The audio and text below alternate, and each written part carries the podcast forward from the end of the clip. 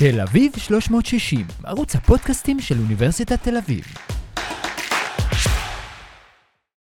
הסיפור שלא סופר על תולדותיה של ממלכת יהודה, פרק 20. הסיפור שלא סופר בספר מלכים על גדולתה ועל עוצמתה של ממלכת ישראל בימיהם של עמרי ואחאב. בראשית המאה התשיעית לפני הספירה, עלתה ממלכת ישראל לראשונה על במת ההיסטוריה.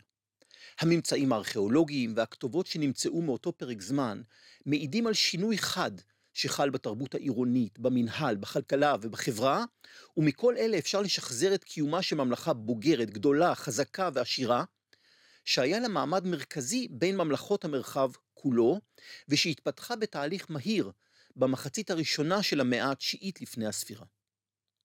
זהו בדיוק פרק הזמן שבו, לפי התיאור המקראי ולפי מקורות חיצוניים, שלטה בישראל שושלת בית עומרי. לפי מלכים א', פרק ט"ז, פסוק 23, בשנת 31 שנה לעשה מלך יהודה, מלך עומרי על ישראל 12 שנה, בתרצה מלך 6 שנים. את שנות מלכותו של עומרי ניתן לקבוע לשנים 885 עד 874 לפני הספירה, ופרט המידע העיקרי אודותיו נמסר בפסוק 24. ויקן את ההר שומרון מאת שמר, בכיכרה עם כסף, ויבן את ההר, ויקרא את שם העיר אשר בנה, על שם שמר, אדוני ההר שומרון. אחרי עמרי, עלה למלוכה בנו אחאב, שנוסחת הפתיחה אודותיו במלכים א' ט"ז פסוק 29 קובעת ואחאב בן עמרי מלך על ישראל בשנת 38 שנה לעשה מלך יהודה, וימלוך אחאב בן עמרי על ישראל בשומרון 22 שנה. את שנות מלכותו של אחאב אפשר לתארך לשנים 874 עד 853 לפני הספירה. אחרי מותו עלה לשלטון אחזיה בנו, עליו נכתב במלכים א', פרק כ"ב, פסוק 52, אחזיהו בן אחאב מלך על ישראל בשומרון בשנת 17 ליהושפט מלך יהודה, וימלוך על ישראל שנתיים. את שנות מלכותו אפשר לתארך לשנים 853-852 לפני הספירה, ולאחר מותו החליף אותו יהורם אחיו, שנוסחת הפתיחה על אודותיו במלכים ב', פרק ג', פסוק 1, קובעת: ויהורם בן אחאב מלך על ישראל בשומרון בשנת 18 ליהושפט מלך יהודה, וימלוך 12 שנה. את שנות מלכותו אפשר לתארך לבין השנים 852 עד 842 לפני הספירה, ורציחתו מסמלת את סופה של שושלת בית עומרי, ששלטונה על ישראל נמשך למעלה מ-40 שנה. מהם מקורות המידע שלנו על שושלת בית עומרי? נקודת המוצא היא המתחם שנבנה בעיר שומרון במחצית הראשונה של המאה התשיעית לפני הספירה, כלומר בימי מלכותם של עמרי ואחאב. מתחם זה כלל פודיום שנבנה על קירות תמך גדולים, ואשר עיצב מחדש את הגבעה הטבעית, והפך אותה למעין קופסה בנויה. בראשו של הפודיום נבנה ארמון מורכב ומשוכלל, שבבנייתו נעשה שימוש בארכיטקטורה של אבני גזית ובחותרות אבן מעוטרות. אותה ארכיטקטורה בדיוק נחשפה במרכזים הכנעניים לשעבר של האזורים הסמוכים, במגידו ויזרעאל שבעמק יזרעאל, חצור מצפון לכנרת, עין גב ממזרח וגזר בשפלה הצפונית. יתר על כן, אותה ארכיטקטורה נחשפה בעבר הירדן בשני אתרים הממוקמים במקומות אסטרטגיים, המשקיפים על הדרכים העיקריות שעוברות באזור, חירבת מודעי נאטמד וחירבת עטרוס, ככל הנראה אתרים שיש לזהותם עם, עם הערים יהץ ועטרות, ערים שנזכרות גם בתיאורים המקראיים וגם במצבת מישה.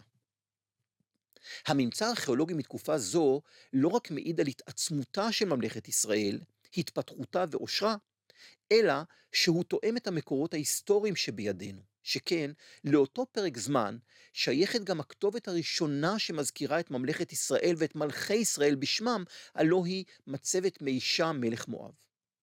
גם שלמן עשר השלישי, מלך אשור, כתב באחת מהכתובות שהותיר שאחאב הישראלי היה אחד משלושה מלכים שהובילו ברית של 12 אה, מלכים, 12 ממלכות, כנגד האימפריה האשורית העולה, ושהוא תרם אלפיים מרכבות ועשרת אלפים חיילים לקואליציה של החמה נגד אשור בקרב קרקר שבצפון סוריה בשנת 853 לפני הספירה.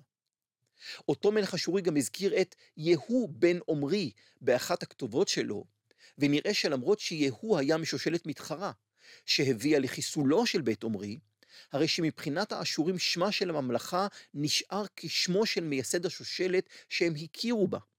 והגדרה זו ליהוא גם מעניקה לגיטימציה כלשהי לשלטונו, לפחות מבחינתם של האשורים. גם באובליסק השחור מימיו של שלמן עזר השלישי, ניתן לראות את דיוקנו של יהוא קורע לפני המלך האשורי, וגם שם הוא נקרא מלך בית עמרי. מכל המקורות הללו עולה שהיה זה אחאב, בנו של עמרי מייסד השושלת, שהפך את ממלכת ישראל למעצמה מקומית גדולה, חזקה ומשגשגת, שהמשיכה להתקיים גם בימי בניו, המלכים יורם ואחזיה. מה ידע ההיסטוריוגרף המשנה תורתי על ההיסטוריה של ממלכת ישראל בימי שלטונם של המלכים מבית עמרי? מה מתוך מה שהוא ידע הוא סיפר, ומה היה הסיפור שלא סופר על ידו? כמו שאנסה להראות בפרק זה, המחברים של התיאורים ההיסטוריים בספר מלכים לא ידעו הרבה על אותו פרק זמן קדום ורחוק מימיהם. הם ניצלו את כל מקורות המידע שהגיעו לידיהם, שהיו מעטים ומוגבלים, כדי ליצור תמונה חלקית ומקוטעת, שזה מה שהם היו יכולים לעשות, וכפי שנראה להלן, גם לא תמיד מדויקת. לדעתי, פרט למידע שהיה להם מרשימות המלכים של מלכי ישראל, ולחישוב שעשו על הסינכרוניזמים, תאומי הזמנים, עם מלכי יהודה, היה להם גם מעט מידע ממקורות מעטים נוספים, בעיקר על המלכים שמלכו ביהודה בפרק הזמן המקביל למלכים מבית עמרי. בנוסף, ההיסטוריוגרפים המקראיים השתמשו בסיפורי נביאים שהגיעו לידיהם, ככל הנראה כבר כמסורות כתובות, ובהם בולטים בעיקר הסיפורים על אליהו ואלישע.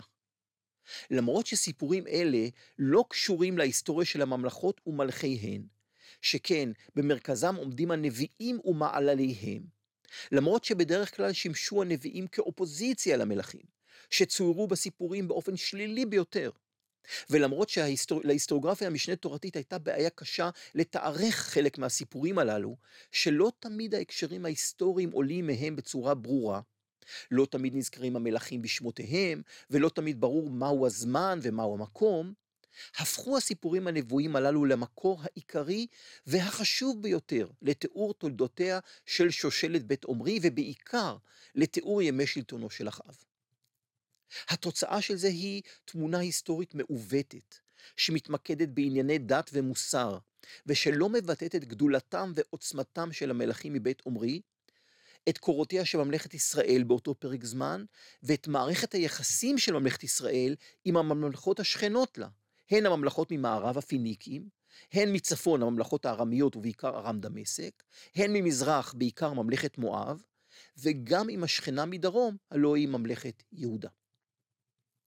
להיסטוריוגרף היה קשה לשבץ את המידע שהיה לו מהמקורות הנבואיים הללו במקום ההיסטורי הנכון, ועל בסיס ניתוח של המקורות האשוריים והממצאים הארכיאולוגיים, אפשר להניח שבחלק מהמקרים הוא טעה בשיבוץ של המסורות הנבואיות הללו ובקישור שלהם למלכי ישראל הנכונים.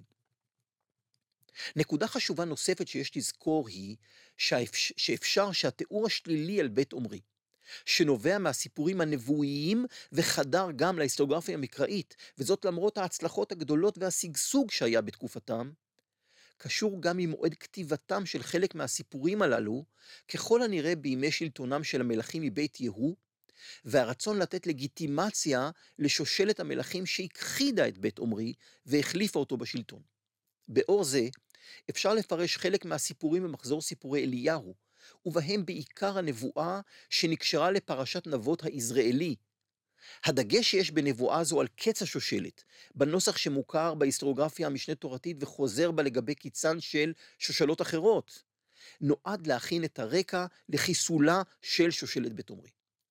מעניין לציין בהקשר זה את העדויות השונות והסותרות, כמו גם את חוסר האחידות שיש בטקסט המקראי שבסוף ספר מלכים א', פרק כ"א, שבו באה ההאשמה המפורסמת של אחאב בפסוק 19, הרצחת וגם ירשת, כן? ואחרי הנבואה לאחאב בפסוקים 19 עד 22 שלפיה, אני מצטט, במקום אשר לקקו הכלבים את דם נבות, ילוקו הכלבים את דמך גם אתה. וביערתי אחריך, והכרעתי לאחאב משתין בקיר, ועצור ועזוב בישראל. ונתתי את ביתך כבית ירבעם בן נבט, וכבית באשה בן אחיה, אל הכעס אשר הכעסת, ותחתי את ישראל. שאחריה באה גם הנבואה לאיזבל בפסוקים 23-4. וגם לאיזבל דיבר אדוני לאמור, הכלבים יאכלו את איזבל בחיל יזרעאל. המת לאחאב בעיר יאכלו הכלבים, והמת בשדה יאכלו עוף השמיים. בהמשך מתוארת חזרתו בתשובה של אחאב וההחלטה האלוהית לדחות את קיצה של השושלת לימי מלכותו של בנו. הרי הם ידעו שקץ השושלת הגיע אחרי ימי אחאב, ולכן כתוב, ויהי כשמו אחאב את הדברים האלה, ויקרע בגדיו, וישם שק על בשרו, ויצום, וישכב בשק, ויהלך את. ויהי דבר אדוני אל אליהו התשבי לאמור, הראית כי נכנע אחאב מלפניי? יען כי נכנע מפניי ולא אביא הרעה בימיו, בימי בנו אביא את הרעה על ביתו.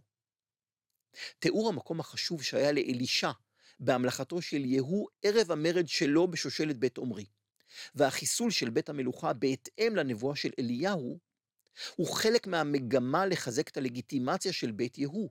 כלומר, ההיסטוריה כאן כפופה במידה רבה לאידיאולוגיה של זמן חיבורם של הסיפורים הנבואיים, שהכתיבו במידה רבה את התיאור המשנה תורתי שנכתב ביהודה כעבור זמן רב. במקרה זה, של התיאורים המקראיים על ימי שלטונה של שושלת בית עומרי, נראה לי שהסיפור שלא סופר, כלל בעיקר את מה שההיסטוריוגרף לא ידע.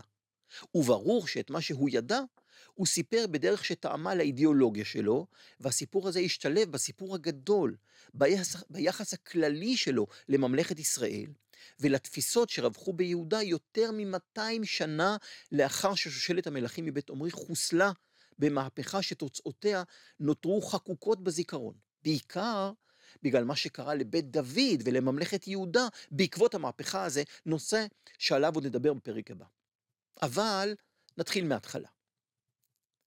שפע של מחקרים ארכיאולוגיים שנערכו בעשורים האחרונים מעידים על תהליך ארוך מאוד של צמיחתן של ממלכות טריטוריאליות בלבנט בין שלהי המאה ה-11 ועד למאה התשיעית לפני הספירה.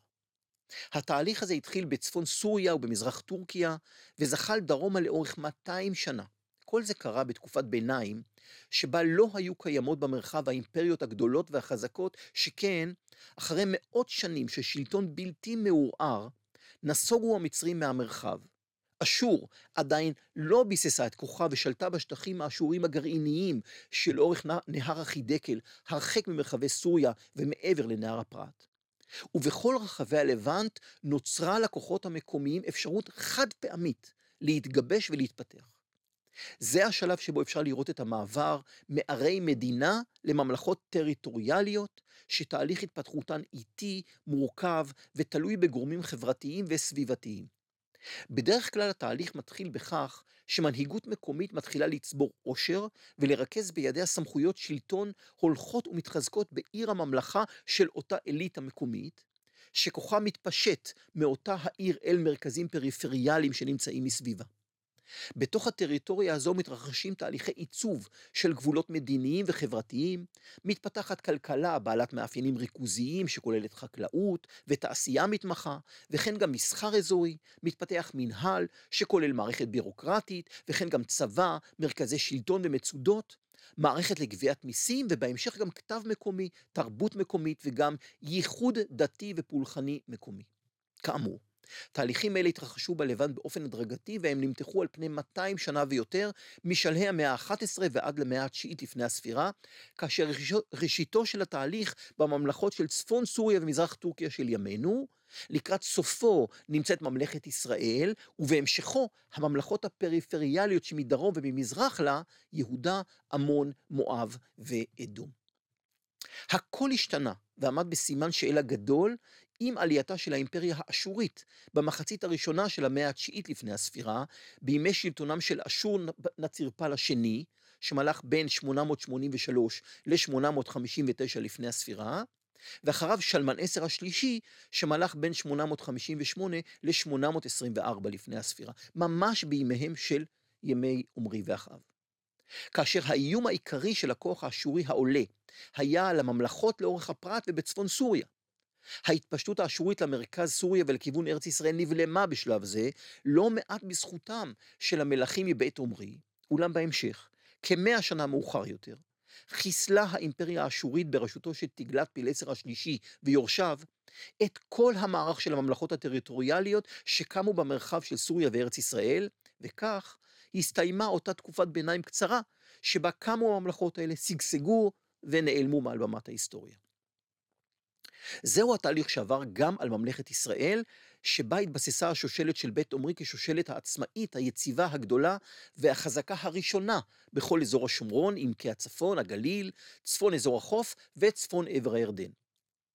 אבל עם כל כמה שעמרי היה מלך גדול וחשוב, שייסד את השושלת היציבה הראשונה בישראל, הרי שפרט למידע על מלחמתו בזמרי ובתבני ועל עלייתו למלוכה, נושא שבו סיימנו את הפרק הקודם, התיאור בספר מלכים הקדיש לו שישה פסוקים בלבד, במלכים א' פרק ט"ז, פסוקים 23 עד 28, מהם שלושה פסוקים שכוללים נוסחת פתיחה מורחבת, פסוקים 23, 25 ו-6, שמיד אחריה שני פסוקים שכוללים נוסחת סיום רגילה, פסוקים 27-8. נוסחת הפתיחה כוללת שני פסוקים של הערכה תיאולוגית שלילית וחריפה, שלפיה ויעשה עמרי הרע בעיני אדוני, וירא מכל אשר לפניו, וילך בכל דרך ירבעם בנבט ובחטאתו, אשר החטיא את ישראל, להכעיס את אדוני אלוהי ישראל בהבליהם. אין ספק שהשיפוט השלילי הזה על עמרי נובע מהידיעה של ההיסטוריוגרף על חדירת פולחן הבעל לישראל, כפי שמתואר בהמשך על ימי אחאב. בעיקר כתוצאה מהידוק הקשרים בין ישראל לבין צור, שהתבטאו בין השאר בנישואיו של אחאב עם איזבל בת את בעל מלך צידונים, כפי שמתואר במלכים א' ט"ז 31, נישואים, שכפי שנראה להלן, התרחשו עוד בימי מלכותו של עמרי.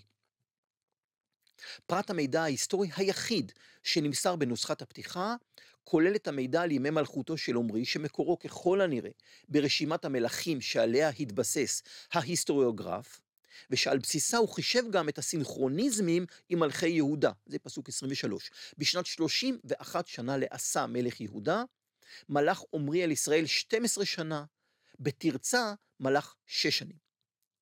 שני פרטי המידע ההיסטורי שנמסרו בנוסחת הסיום, נובעים ככל הנראה גם הם מאותה רשימה, ולפיהם עמרי נקבר בשומרון, ובנו אחאב עלה למלוכה אחריו.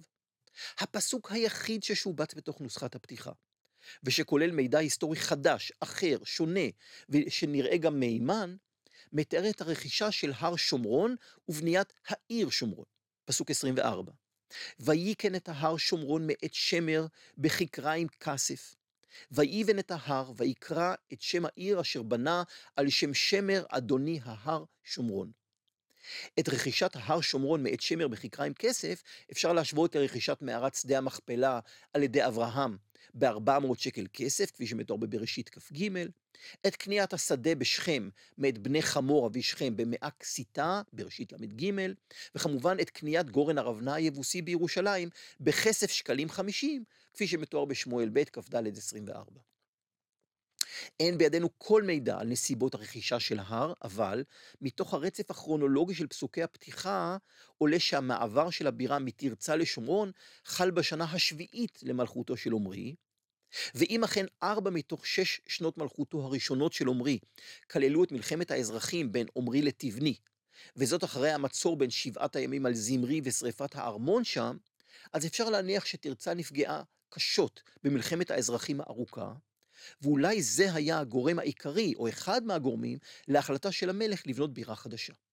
גם כאן, נראה שהמידע על המלך שייסד שושלת ובירה היה ידוע ומוכר, אם בשל רישומם של הדברים ברשימות המלכים, ואם בשל העובדה שמידע כזה חשוב הוא עבר בעל פה והיה מוכר, ידוע וחשוב לתושבי הממלכה, ואולי גם לתושבי הממלכות השכנות, והרי הוא היה נעוץ בעצם קיומה, המשך קיומה, של העיר שומרון. הסיפור שמסופר על עמרי מלך ישראל קצר וממוקד, ולא מבטא את כל גדולתו ועוצמתו של מייסד השושלת החשובה הזו, ואת מי שהקים את הבירה המפוארת בעיר שומרון. עם זאת, ממקורות שונים ניתן לעמוד על מקצת מהסיפור שלא סופר על ימי שלטונו של עמרי. וכך למשל, בשורות הפתיחה של מצבת מישה, מלך מואב, שנמצאה בבירת הממלכה שלו, מתוארת השתלטותו של עמרי על כל האזור הצפוני של עבר הירדן, אותו אזור עשיר וחשוב, שנקרא ארץ המישור, ש... ושנמצא מצפון לארנון, שם שוכנת מידווה, ושם נמצאו בין היתר השבטים גד וראובן, שנמנים במקרא על שבטי הצפון. כאשר לפחות לגבי אחד מהשבטים הללו, שבט גד, עולה מהכתובת של מישה, שזה היה שבט מקומי, ששטחו נכבש בימי שלטונו של עמרי מלך ישראל, ולא היה שייך לישראל אף פעם קודם לכן. אם כך, הרי ששבט גד לא היה יכול להיות חלק מממלכת ישראל ומשבטי ישראל קודם לכיבושו של האזור על ידי עמרי. מעניין מה היה גורלו של שבט גד הזה, לאחר שהאזור הזה של אה, אה, אה, עבר הירדן שוחרר מהכיבוש הישראלי על ידי מישה מלך מואב והפך להיות טריטוריה מואבית. מה, הוא היה שבט מואבי? אלה הדברים כפי שנכתבו בניב המואבי בהתאמה קלה לעברית. עמרי מלך על ישראל, והוא שיעבד את מואב ימים רבים, כי כמוש זעם על ארצו, בנו עלה במקומו, וגם הוא אמר, אני אשעבד את מואב. בימיי הוא אמר כך, ואני ראיתי במפלתו ובמפלת שושלתו, במואבית הם אומרים, ויראה בו ובביתו. וישראל עבוד עבד לעולם. עמרי כבש את ארץ מידווה, וישב בה בימיו ובמחצית ימי בנו ארבעים שנה, וכמוש השיב אותה למואב בימיי. אם נוסיף על המידע שעולה ממצבת מישה את העובדה שעמרי היה המלך הראשון מבין מלכי ישראל, שלגביו אין אזכור של מלחמות שהיו בין ישראל ליהודה. עדות לכך שככל הנראה התחזקותה והתעצמותה של ממלכת ישראל כללה גם תהליך של התקרבות בין שתי הממלכות, תהליך שנמשך בהמשך ימי קיומה של שושלת בית עמרי. ונוסיף לכך את הידוק הקשר עם ממלכת צור.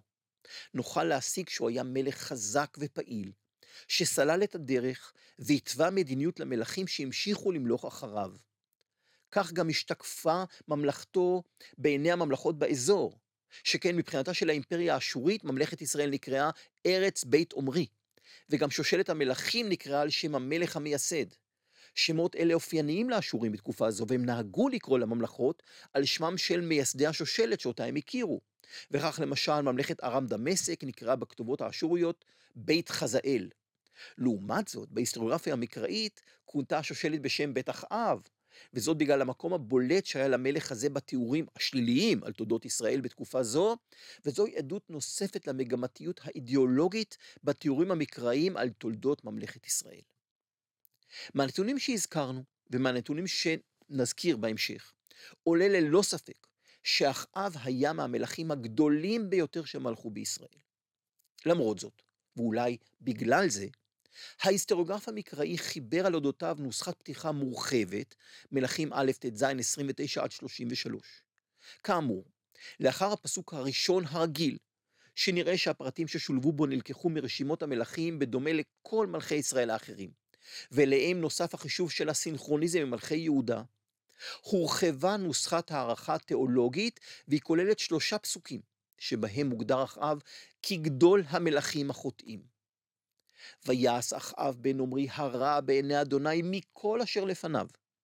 ויהי הנקה לכתו בחטאות ירבעם בן נבט, ויקח אישה את איזבל בת את בעל מלך צידונים, וילך ויעבוד את הבעל וישתחו לו. ויקם מזבח, מזבח לבעל, בית הבעל אשר בנה בשומרון. ויעש אחאב את האשרה, ויוסף אחאב לעשות, להכעיס את אדוני אלוהי ישראל, מכל מלכי ישראל אשר היו לפניו. גם נוסחת הסיום על אודות אחאב, בפרק כ"ב, פסוקים 39-40, רגילה, ונוספה לה הערה על הקמת בית השן, ככל הנראה ארמון עם רהיטים משובצים שנהב, מסוג אלה שנמצאו בחפירות העיר שומרון, וגם הערה על הערים שהוא בנה. ויתר דברי אחאב, וכל אשר עשה, ובית השן אשר בנה, וכל הערים אשר בנה, הלא הם כתובים על ספר דברי הימים למלכי ישראל. וישכב אחאב עם אבותיו, וימלוך אחזיהו בנו תחתיו. בין נוסחת הפתיחה לנוסחת הסיום, משובצים הסיפורים הנבואיים על אליהו הנביא, מלכים א' י"ז עד כ"ב, כאשר במוקד שלהם עומדים חטאיו הפולחניים והחברתיים של אחאב, שמתואר בסיפורים הללו כמלך חוטא, אכזר לבני עמו, חלש אופי וחדל אישים. בכל הסיפורים הללו אין כל ביטוי להצלחותיו המדיניות והכלכליות של אחאב. נראה שכל מה שידע היסטוריוגרף המשנה תורתי על אחאב, נבע מהסיפורים הנבואים הללו, שבמרכזה עומד בכלל הנביא אליהו, ואילו אחאב נמצא בשוליים שלהם, אבל דמותו עוצבה דרך הסיפורים הללו, בלי שיש בהם כל פרט שהגיע ממקור אחר. מהסיפורים הנבואים הללו על אליהו עולה דבר נישואיו של אחאב עם איזבל, ביטוי לקשרים ההדוקים שהיו בין ישראל וצור, ולהשפעה התרבותית והדתית הצורית שחדרה לישראל באותו פרק זמן. בסיפורים הללו מוצגת איזבל כאישה תקיפה ורבת פעלים, והיותה בת מלך צור, ואולי גם בת לכהן שמלך בצור, מסבירים היטב את הרקע התרבותי שלה, כאשר בחסותה ובתמיכתה חדר פולחן צורי לישראל. לפי מלכים א', ט"ז, פסוקים 31 עד 33, בשל נישואיו לאיזבל, החל גם אחאב לקיים פולחן לבעל. וילך ויעבוד את הבעל וישתחו לו. יותר מכך, ויקם מזבח לבעל בית הבעל אשר בנה בשומרון. זוהי עדות לכך שאלוהות פיניקית חדרה לממלכת ישראל, שבצידה עדות, לפחות מבחינתו של ההיסטוריוגרף המשנה תורתי, גם לקיומו, להמשך קיומו, של פולחן מקומי. לפי ט"ז 33, ויעש אחאב את האשרה. כאשר במלכים ב', פרק ג', פסוק 2, נאמר על יהורם בן אחאב, ויסר את מצוות הבעל אשר עשה אביו. העדויות לפולחן הבעל בישראל מרכזיות מאוד בסיפורי אליהו, וכך למשל בסיפור ההתמודדות של אליהו עם נביאי הבעל בהר הכרמל, בפרק י"ח פסוקים 19, 22 ו-40, נזכרים נביאי הבעל 450 ונביאי האשרה 400 אוכלי שולחן איזבל. נביאי הבעל וכהניו גם נזכרים בסיפור המרד של יהוא, ועל זה נדבר בהמשך. נושא נוסף שעולה מהסיפור שלא סופר ביחס לימי אחאב, הוא מערכת היחסים שנבנתה בימיו עם ממלכת יהודה, שהרי עד לימי שושלת עמרי, נאבקו ממלכות ישראל ויהודה זו בזו. נראה שהשינוי שחל בימי אחאב הוא שישראל הפכה לממלכה כל כך חזקה וכל כך מפותחת, עד שלא רק שבית דוד הכיר בלגיטימיות של השושלת המולכת בצפון, אלא נכנס מרצון או בלית ברירה תחת חסותה. יש לכך ביטויים אחדים, והראשון שבהם הוא נישואיה של עתליה, בתו של מלך ישראל, ליהורם בן יהושפט מלך יהודה, שכבר בנוסחת הפתיחה על ימי שלטונו במלכים ב' ח' 18, נאמר עליו, וילך בדרך מלכי ישראל, כאשר עשו בית אחאב, כי בת אחאב הייתה לו לאישה, ויעש הרע בעיני אדוני. נישואין אלה באו בהמשך לברית שהתקיימה בין ישראל ליהודה כבר בעת המלחמה של אחאב ויהושפט נגד ארם במלכים א' כ"ב. שם מצהיר מלך יהודה בפסוק 4, ויאמר יהושפט אל מלך ישראל, כמוני כמוך, כעמי כעמך, כסוסי כסוסיך. והצהרתו הדומה של יהושפט מלך יהודה, שבהמשך לבקשתו של יורם מלך ישראל ללכת איתו למלחמה במואב, מצהיר במלכים ב' ג' פסוק 7. כמוני כמוך, כעמי כעמך, כסוסי כסוסיך. קשרי יורם מישראל עם אחזיהו מיהודה היו כבר קשרי משפחה של ממש, כאשר לפי מלכים ב', פרק ח', פסוקים 28-9, לא רק שהם יצאו יחדיו למלחמה, אלא שאחרי שיורם מלך ישראל נפצע במלחמה, מתואר ביקור חולים משפחתי. ואחזיהו בן יהורם מלך יהודה ירד לראות את יורם בן אחאב ביזרעאל כי חולה הוא. אפשר להשוות את זה גם לכתוב בפרק ט', פסוקים 16 ו-21. דומה שגדולתו של אחאב מתגלה דווקא במקום המרכזי שהיה לו בברית האזורית האנטי-אשורית, ושעליו ההיסטוריוגרף המשנה התורתי לא ידע שום דבר. שהרי בראשית המאה התשיעית לפני הספירה, ואחרי 200 שנה של ללא נוכחות של מעצמות בכל המרחב שבין הנילוס והפרת, החל אשור נצירפל השני לתקוף את הממלכות שממערב לפרת. אשור פיתחה צבא אדיר וחזק, עם טכניקות לחימה משוכללות הן בשדה הפתוח והן במצור על ערים מבוצרות. וכשעלה לשלטון המלך שלמן עשר השלישי, הוא החל בשורת מתקפות שכוונו לצפון סוריה, אל מעבר לפרת.